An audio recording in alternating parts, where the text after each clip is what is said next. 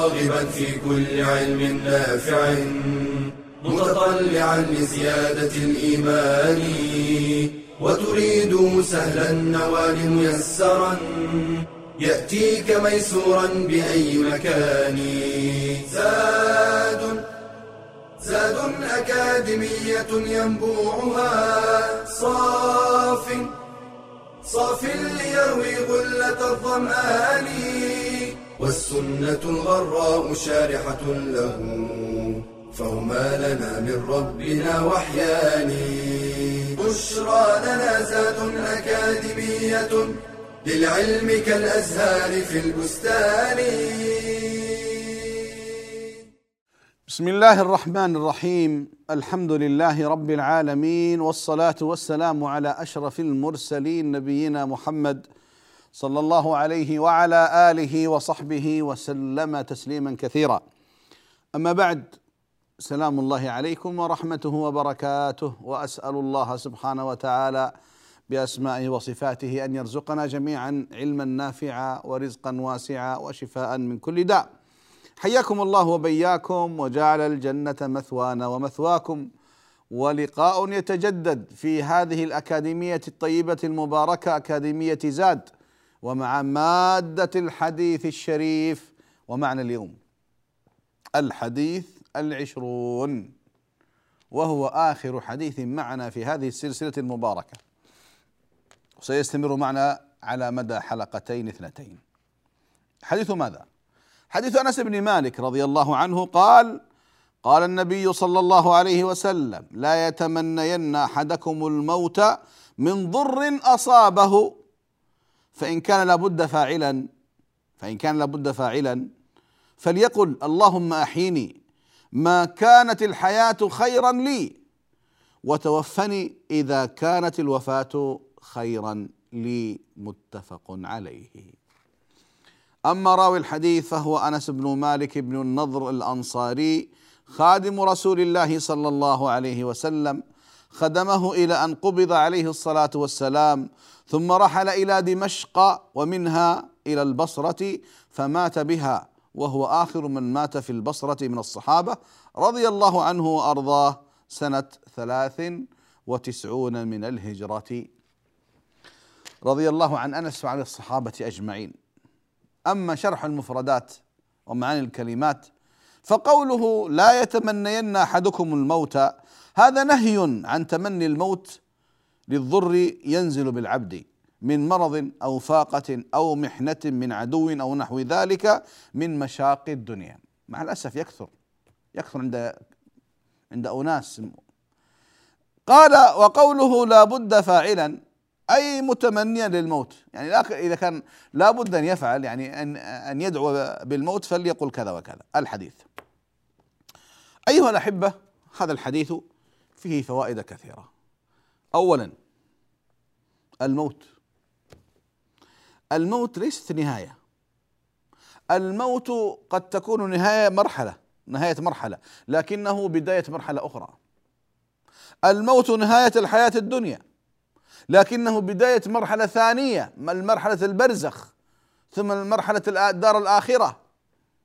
ولذلك الموت عند بعض الناس يشكل رعب رعب حقيقي. إذا جلست في مجلس وذكرت الموت بعض الناس يقطب جبينه ويغضب. يا شيخ خلنا نستمتع بمجالسنا يا شيخ. وين تفر؟ الموت حقيقة. كل من عليها فان كل نفس ذائقته الموت. يعني لماذا تتعامى؟ لماذا تتعامى؟ حقيقة النبي صلى الله عليه وسلم يقول الله سبحانه إنك ميت وإنهم ميتون. الموت لا والدا يبقي ولا ولدا هذا الطريق إلى أن لا ترى أحدا كان النبي صلى الله عليه وسلم ولم يخلد لأمته لو خلد الله خلقا قبله خالدا. النبي صلى الله عليه وسلم يقول أكثروا من ذكر هادم اللذات ومفرق الجماعات. أكثروا. من ذكر هادم اللذات ومفرق الجماعات. لماذا؟ حتى الإنسان لا يغفل. لا يغفل في هذه الدنيا ويضيع في وهادها وفي طرقاتها وينسى الدار الآخرة. أنا حينما أقول اذكر الموت هذا هو الذكر الإيجابي للذكر السلبي. الذكر السلبي أنه يجعل الموت خلاص يتقوقع في زاوية من الزوايا أو في مسجد من المساجد ويترك الدنيا ويترك العمل ويترك الإنفاق على نفسه وأهله. هذا هذا ذكر سلبي. ذكر الموت الإيجابي هو الذي يجعلك تعمل للدنيا وتعمل للآخرة. وكما قال ابن عمر اعمل لدنياك كأنك تعيش أبدا واعمل لآخرتك لآخرتك كأنك تموت غدا. ذكر الموت هو الموت الذي يجعلك تتحفز. تتحفز لكل فرصة تقتنصها إما للدنيا أو لآخرة. يجعلك إنسانا إيجابيا في حياتك مع ربك مع الناس. ذكر الموت يجعلك لا تغفل عن لقاء الله لا تغفل عن أهمية الوقت واغتنام الوقت. ذكر الموت يجعلك دائما متوقدا دائما محفزا لكل ما ينفعك في دنياك وأخراك. فاذا بعض الناس لما نقول الموت يأخذ جانب جانب مقتطع من من الموضوع لا. النبي صلى الله عليه وسلم يقول كنت قد نهيتكم عن زيارة القبور ألا فزوروها. ليش؟ قال فإنها تذكركم الآخرة. فإذا الإنسان تذكر الآخرة جد واجتهد وعمل وسابق وبذل وتحمل وسابق. لكن بعض الناس يا إخواني لا دنيا ولا آخرة لا في عمل دنيا ولا في عمل آخرة هذا مسكين كيف يعيش؟ ولذلك حينما نذكر الموت إنما نريد الذكر الإيجابي. الذي يحفزك للتوبة ويحفزك للعمل وأن تعمر أوقاتك بما يرضي الله سبحانه وتعالى وأن تعمل في نفع الآخرين ونفع الناس ونفع نفسك وأهلك. هذا هو الأمر المطالب من ذكر الموت. لكن بعض الناس الموت رعب رعب رعب. ثم ماذا؟ لا الموت قضية قضية لازمة. والله سنموت كلنا. شئنا أم أبينا. مات الكبار مات العلماء مات الأمراء مات الملوك ما مات رسول الله صلى الله عليه وسلم. مات الأنبياء كلهم. وسيموت الخلق كلهم. سيموت الخلق. بني آدم سيموتون كلهم. الجن سيموتون كلهم. الملائكة سيموتون كلهم.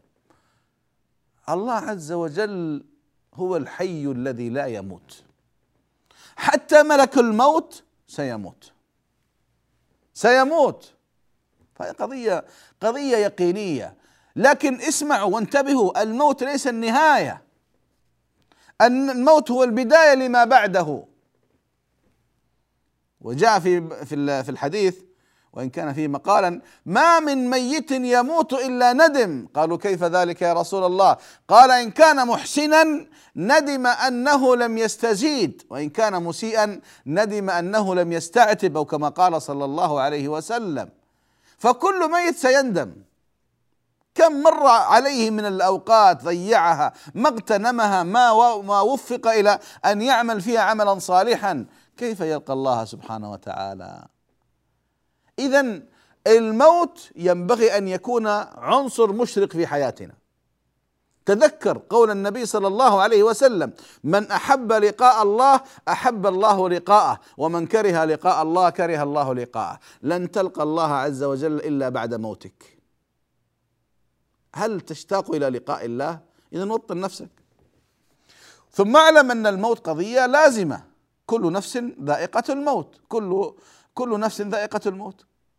كل من عليها فان. وبالتالي لا بد أن تذوقه. أن يذوقه كل حي. كل حي من الخلق سيذوق الموت.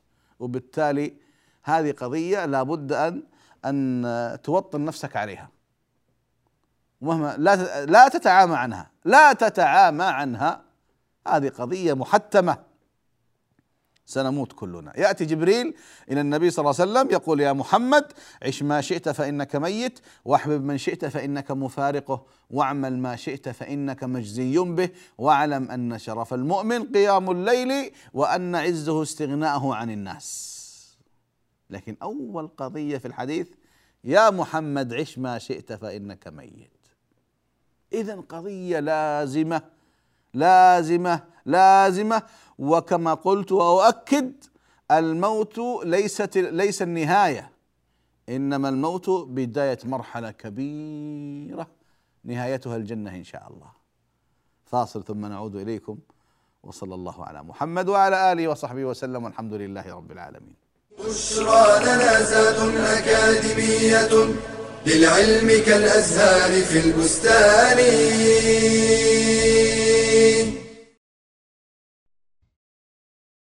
يقتل كل عام ستة ملايين شخص تقريبا. منهم أكثر من خمسة ملايين ممن يتعاطونه أو سبق لهم تعاطيه. وأكثر من ستمائة ألف شخص ممن يتعرضون له بشكل غير مباشر. إنه التدخين مدمر الصحة وقاتل الملايين. ووفقا لما جاء في تقارير منظمة الصحة العالمية فإن شخصا واحدا يقضي نحبه من جراء التدخين كل ست ثوان تقريبا مما يمثل عشر وفيات البالغين. ونظرا للسنوات العديدة التي تفصل بين بدء الناس في تعاطي التدخين وبدء معاناتهم الصحية منه. فإن العالم قد بدأ يشهد زيادة الأمراض والوفيات ذات الصلة بالتدخين. ففي مقابل مئة مليون وفاة في القرن العشرين قد سببها تعاطي التدخين. قد تبلغ الوفيات في القرن الحادي والعشرين نحو مليار وفاة. متى استمر تعاطيه بتلك الصورة المتزايدة؟ هذا وقد أثبتت التجارب والأبحاث العلمية الحديثة. خطر التدخين المميت على جسم الإنسان بأجهزته المختلفة حيث يصاب المدخن بأمراض خطيرة منها. سرطان الرئة. ضعف الأعصاب. جلطات القلب وموت الفجأة. التهاب الشريان التاجي المغذي للقلب. الذبحة الصدرية.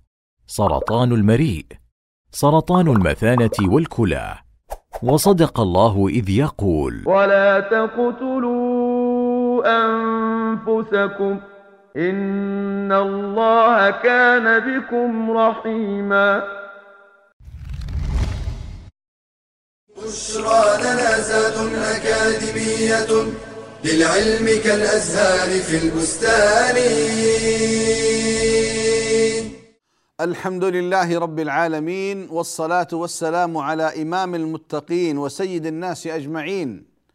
نبينا محمد صلى الله عليه وعلى آله وصحبه وسلم تسليما كثيرا. أما بعد سلام الله عليكم ورحمته وبركاته.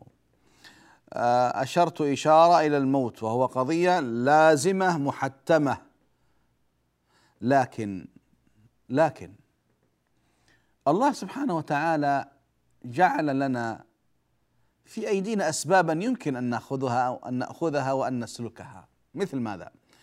أسباب حسن الخاتمة وأسباب سوء الخاتمة. أحبتي في الله من عاش على شيء مات عليه ومن مات على شيء بعث عليه. ولذلك حسن الخاتمة مظهر من مظاهر الخاتمة الطيبة. يعني آه، هناك أسباب لحسن الخاتمة وحسن الخاتمة إن شاء الله دليل على حسن المآل بإذن الله تعالى طبعا نحن أهل السنة والجماعة عندنا قاعدة لا نحكم لأحد بجنة ولا بنار إلا من جاء في كتاب الله وسنة رسول الله صلى الله عليه وسلم أنه من أهل الجنة أو أنه من أهل النار.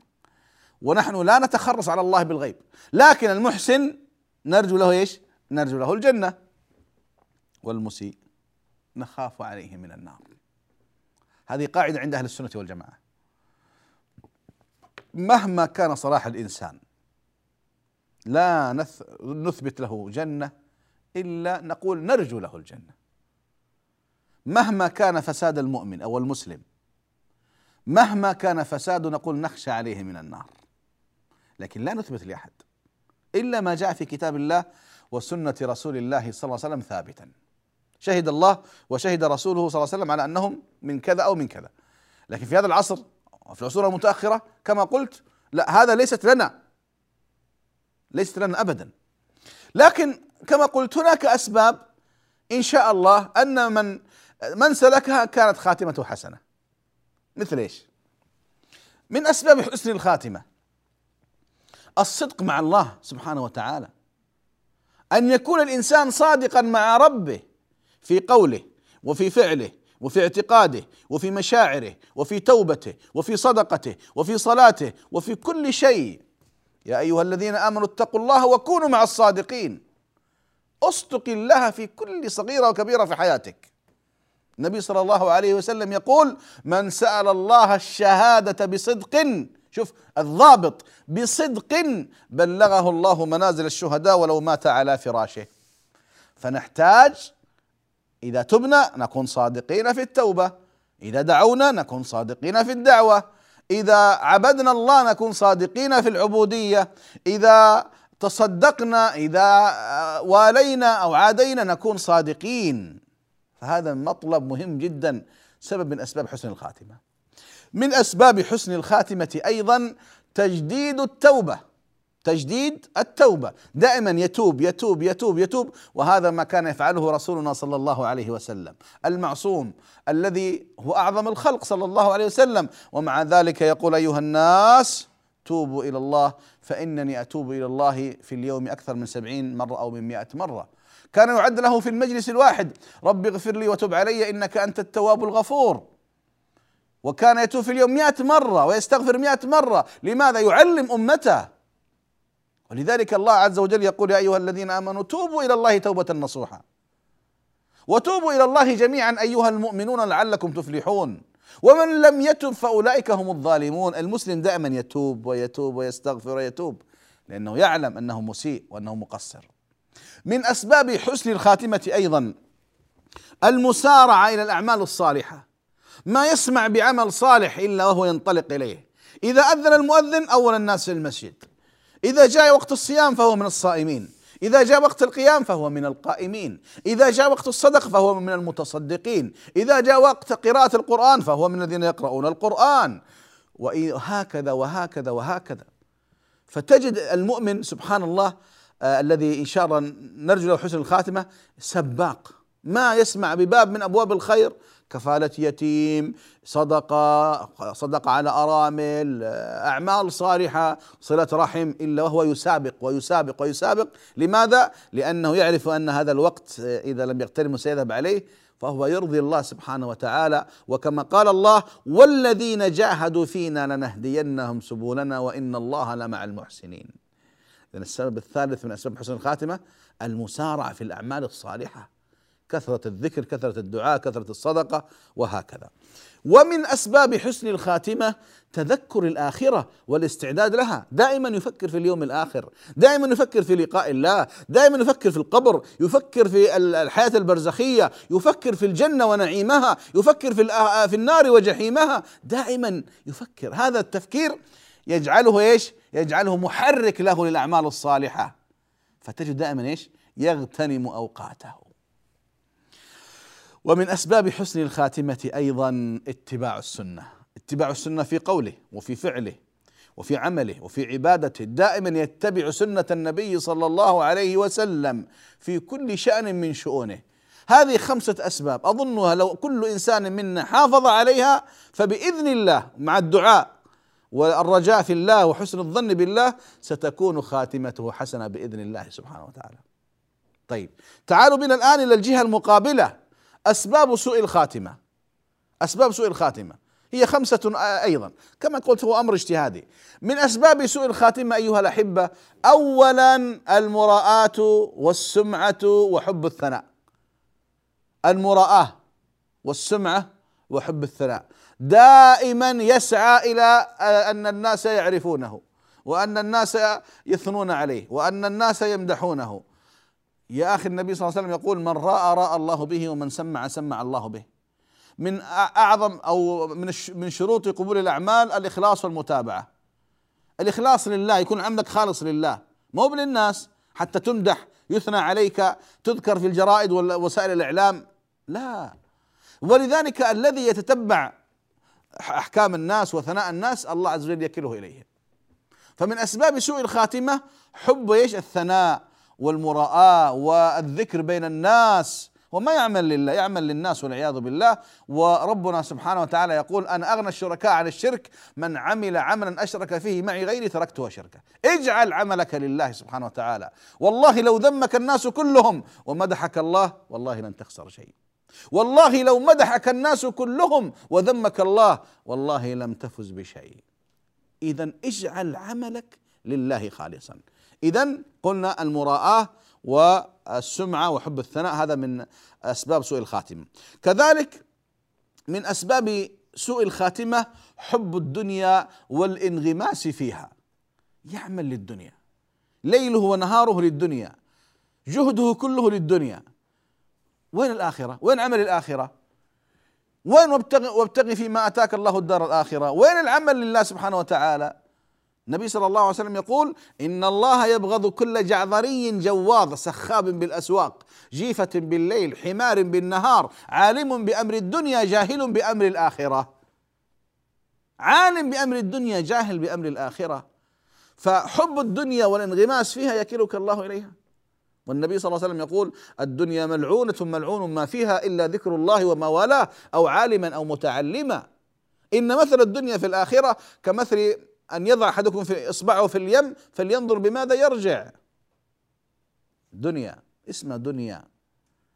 هي الدنيا تقول بملء فيها حذاري حذاري من بطشي وفتكي فلا يغرركم مني ابتسام فقولي مضحك والفعل مبكي. ما أخذ غيرنا نأخذها نحن. وما الحياة الدنيا إلا متاع الغرور أو الغرور. وبالتالي أيها الأحبة نحذر نحذر من الدنيا. الدنيا من أسباب سوء الخاتمة أيضا. التسويف في التوبة السبب الثالث تسويف في التوبة. بكرة أتوب بعده أتوب إن شاء الله إذا تزوجت أتوب إن شاء الله إذا جاء رمضان أتوب إذا جاء الحج أتوب وسوف وسوف وسوف ويأتيه الموت وهو في سوف.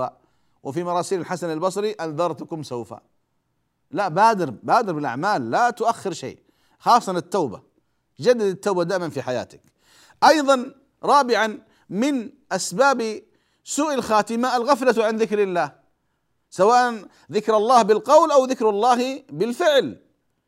وذكر الله يا إخواني من أعظم العبادات. فبعض الناس ابدا ذكر الله آخر ما يفكر فيه. لا انتبه. دائما اذكر الله ومن ذكرني من ذكرني في نفسه ذكرته في في نفسي. من ذكره في نفسي من ذكرني في نفسه ذكرته في نفسي. ومن ذكرني في ملأ ذكرته في ملأ خير منه. أخيرا من أسباب سوء الخاتمة والعياذ بالله الأمن من مكر الله. بعض الناس إذا صلى وصام ظن أنه من أهل الفردوس الأعلى. لا يا أخي انتبه. إن القلوب بين أصبعين من أصابع الرحمن يقلبها كيف يشاء. وبالتالي هذه خمسة أسباب من أسباب سوء الخاتمة. نسأل الله عز وجل أن يحفظنا وإياكم من سوء الخاتمة. هذا وصلى الله على محمد وعلى آله وصحبه وسلم ونعود بعد الفاصل بإذن الله تعالى. بشرى لنا زاد أكاديمية للعلم كالأزهار في البستان.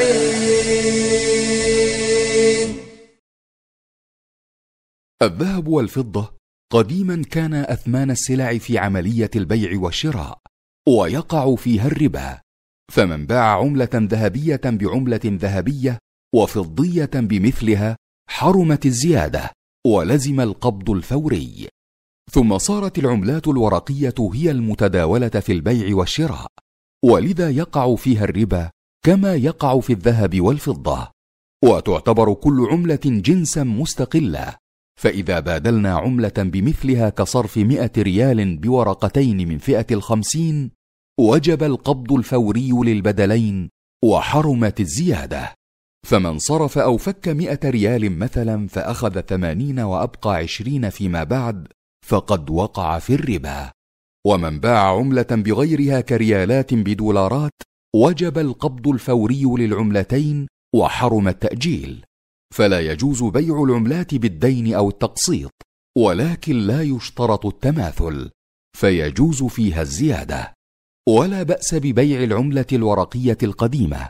التي ألغي التعامل بها ولم تعد متداولة بأكثر من قيمتها لأنها لم تعد نقدا فهي سلعة من السلع. ويجوز تحويل عملة دولة كالريال ليتم تسلمها في دولة أخرى بعملة الدولة الأخرى كالدولار بشرط التقابض الفوري ويحصل ذلك بقبض المال أو الشيك أو ورقة الحوالة. فتعلم أحكام الصرف يقي المسلم بإذن الله من الوقوع في كبيرة الربا. قال تعالى يمحق الله الربا ويربي الصدقات والله لا يحب كل كفار أثيم. بشرى لنا زاد أكاديمية للعلم كالأزهار في البستان. بسم الله الرحمن الرحيم. الحمد لله والصلاة والسلام على رسول الله وعلى آله وصحبه ومن والاه. أما بعد سلام الله عليكم ورحمته وبركاته. وما زلنا مع بعض اللفتات الإيمانية في هذا الحديث الكريم الشريف. ذكرت قبل الفاصل خمسة أسباب لحسن الخاتمة وخمسة أسباب لسوء الخاتمة. لا مانع أنني أعيدها وأؤكد عليها. أما أسباب حسن الخاتمة فأولا الصدق مع الله سبحانه وتعالى. ثانيا تجديد التوبة. ثالثا المسارعة للأعمال الصالحة. رابعا تذكر الآخرة والاستعداد إليها. خامسا اتباع السنة. هذه من أعظم أسباب إن شاء الله سوء حسن الخاتمة مع الاستعانة بالله والدعاء.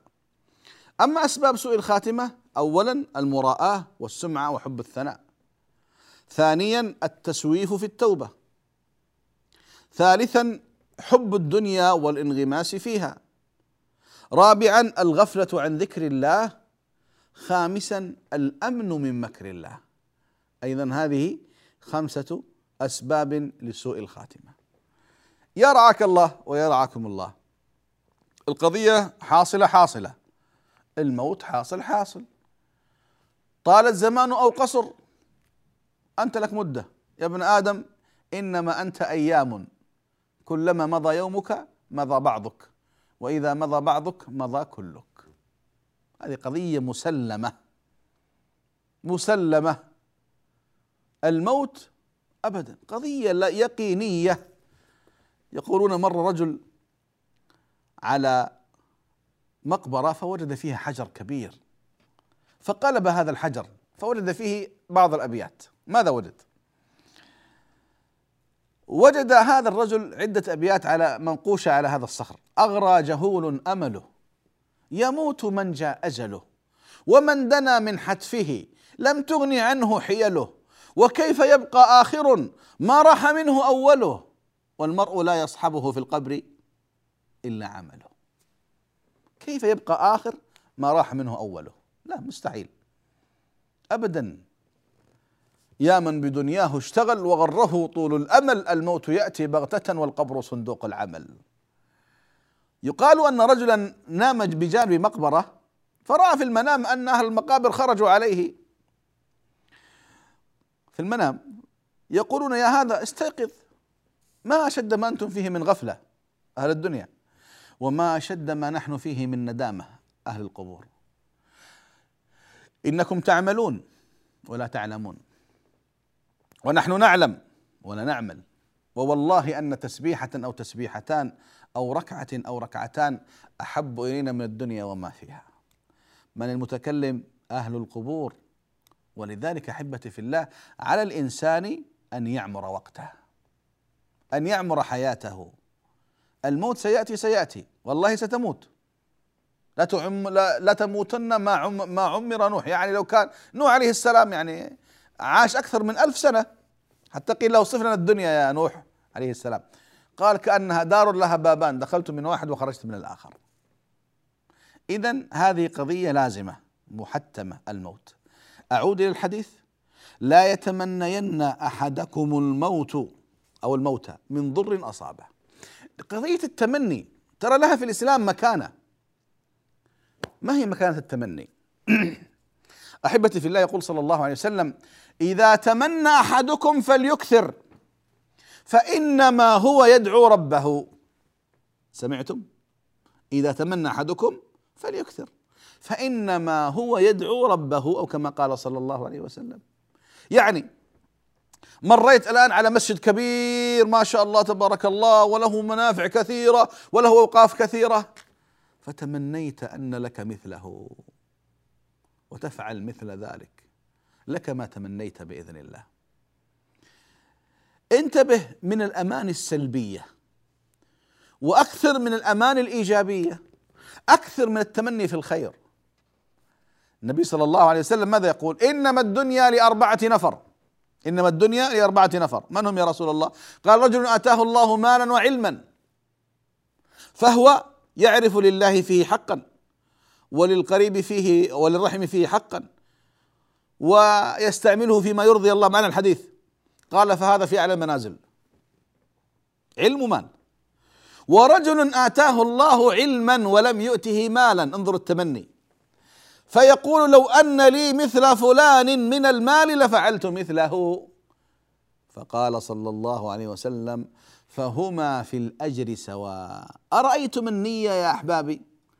الرجل الثاني ما فعل شيء لكن كان عنده نية صادقة. لو عندي مال مثل فلان لفعلت مثله. قال هما في الأجر سواء. اذا يا عبد الله دائما تمنى الخير. تمنى الخير وإنما الأعمال بالنيات. الثالث رجل آتاه الله مالا ولم يؤته علما فهو لا يعرف لله فيه حقا وللرحم فيه حقا ولا للناس فيه حقا يخبط فيه عشواء قال فهو في أسوأ المنازل والعياذ بالله. مال عنده لكن ما عنده علم يخبط فيه خبط عشواء فهو في أسوأ المنازل. الرابع الكارثة. قال ورجل لم يؤته الله لا مالا ولا علما. فيقول لو أن لي مثل فلان من المال لفعلت مثله. قال فهما في الوزر سواء. سمعتم أيها الأحبة؟ هل فعل؟ هل سافر؟ هل زنى؟ هل شرب الخمر؟ مثل الثالث لا. لكن يقول لو عندي مثله لفعلت مثله. تمنى نية سيئة. قال فهما في الوزر سواء. هذا الحديث يعني ما الذي نستفيد منه أيها الأحبة؟ دائما تمنى الخير. تمنى الخير. ليت عندي مال وأبني المدارس وأبني الأوقاف وأبني المساجد وأكفل الأرامل وأعطي المحتاجين وأنفق في سبيل الله وأطبع الكتب وأتصدق على الفقراء ودائما تمنى هذا. تمنى. يعني اجعل دائما أمانيك إيجابية. تمر على عمارة كبيرة جدا. ليت عندي مال فأصنع مثلها وأوقفها لله. وأعطيها ارحامي واعطيها اقاربي واعطيها الناس. ليت عندي مال فأتصدق به. دائما تمنى الخير تمنى تمنى الخير يا عبد الله. إنما الأعمال بالنيات. ولذلك أيها الأحبة نحذر نحذر من الأمان السلبية خاصة عند الشباب. يمكن الشباب فورة الشباب فورة الشهوة يتمنى لو عنده مال فيسافر ويفعل ويفعل الفاحشة ويشرب الخمر ويرقص ويتعاطى المحرمات و و و وهو جالس في بيته على سريره وقد امتلأ ميزانه بجبال من السيئات وهو لا يدري. وهو لا يدري. أخلو عندي بس مال. أفعل وأسوي وأسوي الحرام وأفعل الحرام. مسكين. عنده عنده يقين يعني عنده صدق في أمانيه. فانتبهوا أيها الأحبة يعني قضية النيات هذه من أعظم أبواب التجارة مع الله سبحانه وتعالى. دائما حسن نيتك حسن أمانيك. إذا تمنيت تمنى تمنى أمور عظيمة وكما ذكرت لكم الحديث إذا تمنى أحدكم فليكثر فإنما هو يدعو ربه. فتمنى الخير دائما يا عبد الله. لا تتمنى الشر. تمنيت الخير فإن الله عز وجل يعطيك ويمن عليك ويعطيك على قدر أمانيك. وأما إذا كانت الأخرى فلا ولا حول ولا قوة إلا بالله. فإذا انتبهوا. انتبهوا أيها الأحبة. ترى الشيطان يأتي ويوسوس. لا أفعلن ولا أفعلن ولا أسافرن ولا أشربن ولا أفعلن. ثم وهو جالس في بيته ما تحرك يقوم عليه جبال من السيئات. الآخر عكسه تماما. يتمنى الخير يتمنى العلم يتمنى الدعوة يتمنى الأمر بالمعروف والنهي عن المنكر يتمنى نفع المسلمين يتمنى إغاثة الملهوفين يتمنى ويكتب له ملايين الحسنات وجبال الحسنات وهو لم يفعل شيء. إذا حتى أمانيك انتبه لها. انتبه لها يا عبد الله فأنت عبد لله لست عبدا لغيره. نتوقف هنا ونكمل إن شاء الله في اللقاء القادم بإذنه تعالى وصلى الله على محمد وعلى آله وصحبه وسلم والحمد لله رب العالمين. يا راغبا في كل علم نافع متطلعا لزيادة الإيمان. وتريد سهلا النوال ميسرا يأتيك ميسورا بأي مكان. زاد زاد أكاديمية ينبوعها صار